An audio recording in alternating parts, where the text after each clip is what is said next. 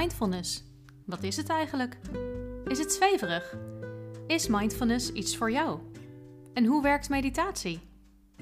Welkom bij de mini-podcast van Mild Mindful. Wat leuk dat je luistert. Ik ben Fimke en ik ben mindfulness trainer. En in deze podcast leg ik je van alles uit over mindfulness en mediteren, maar laat ik je ook zien hoe ik soms nog steeds in mijn eigen valkuilen trap. Benieuwd geworden? Laten we beginnen met de aflevering van vandaag. Vaak zeg jij ja tegen iets terwijl je eigenlijk nee wilt zeggen? Bijvoorbeeld tegen die opdracht waar je geen tijd voor hebt. Of misschien stem je in met die ene afspraak die leuk zou moeten zijn, maar waar je eigenlijk geen zin in hebt. In deze aflevering leg ik je uit waarom het zo moeilijk, maar ook heel belangrijk is om nee te zeggen. Nee zeggen. We willen het wel, maar we vinden het vaak ontzettend moeilijk.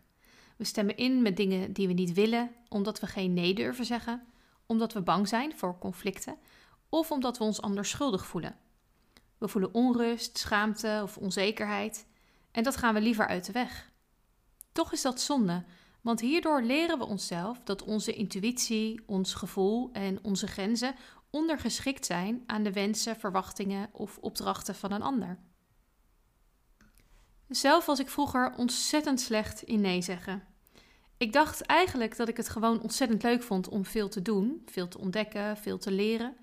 Maar na een moeilijke periode merkte ik dat continu ja zeggen een patroon was geworden. En dat ik daardoor niet meer zo goed wist wat ik zelf belangrijk vond. Als ik nee wilde zeggen, een opdracht af wilde slaan of niet in wilde gaan op een uitnodiging, dan had ik altijd het gevoel dat ik met goede argumenten moest komen of mezelf moest verklaren. Inmiddels kan ik een stuk beter naar mezelf luisteren, maar soms val ik ook nog in mijn oude valkuilen. Zo vroeg een leidinggevende me laatst voor een extra klusje op het werk. Ik dacht er kort over na en stemde toen in.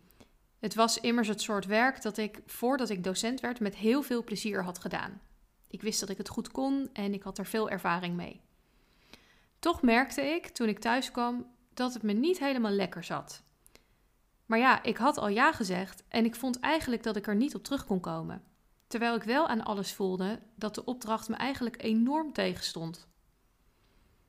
Een week later ging ik daarom terug. En ik legde uit dat ik deze klus toch liever niet wilde doen.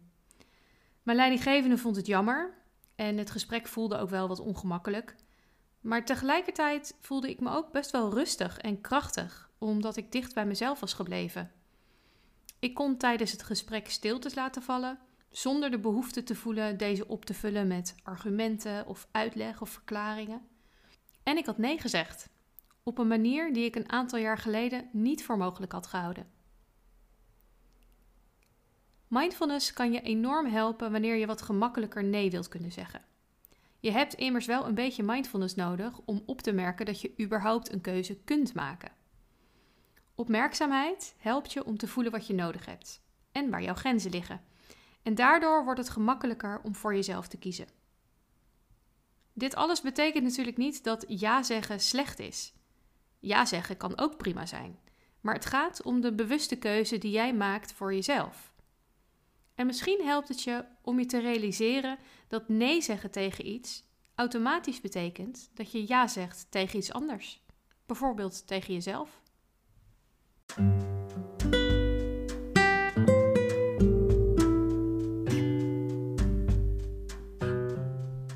Mindfulness. Wat is het eigenlijk? Is het zweverig? Is mindfulness iets voor jou? En hoe werkt meditatie? Welkom bij de mini-podcast van Mild Mindful. Wat leuk dat je luistert. Ik ben Fimke en ik ben mindfulness trainer. En in deze podcast leg ik je van alles uit over mindfulness en mediteren, maar laat ik je ook zien hoe ik soms nog steeds in mijn eigen valkuilen trap. Benieuwd geworden? Laten we beginnen met de aflevering van vandaag.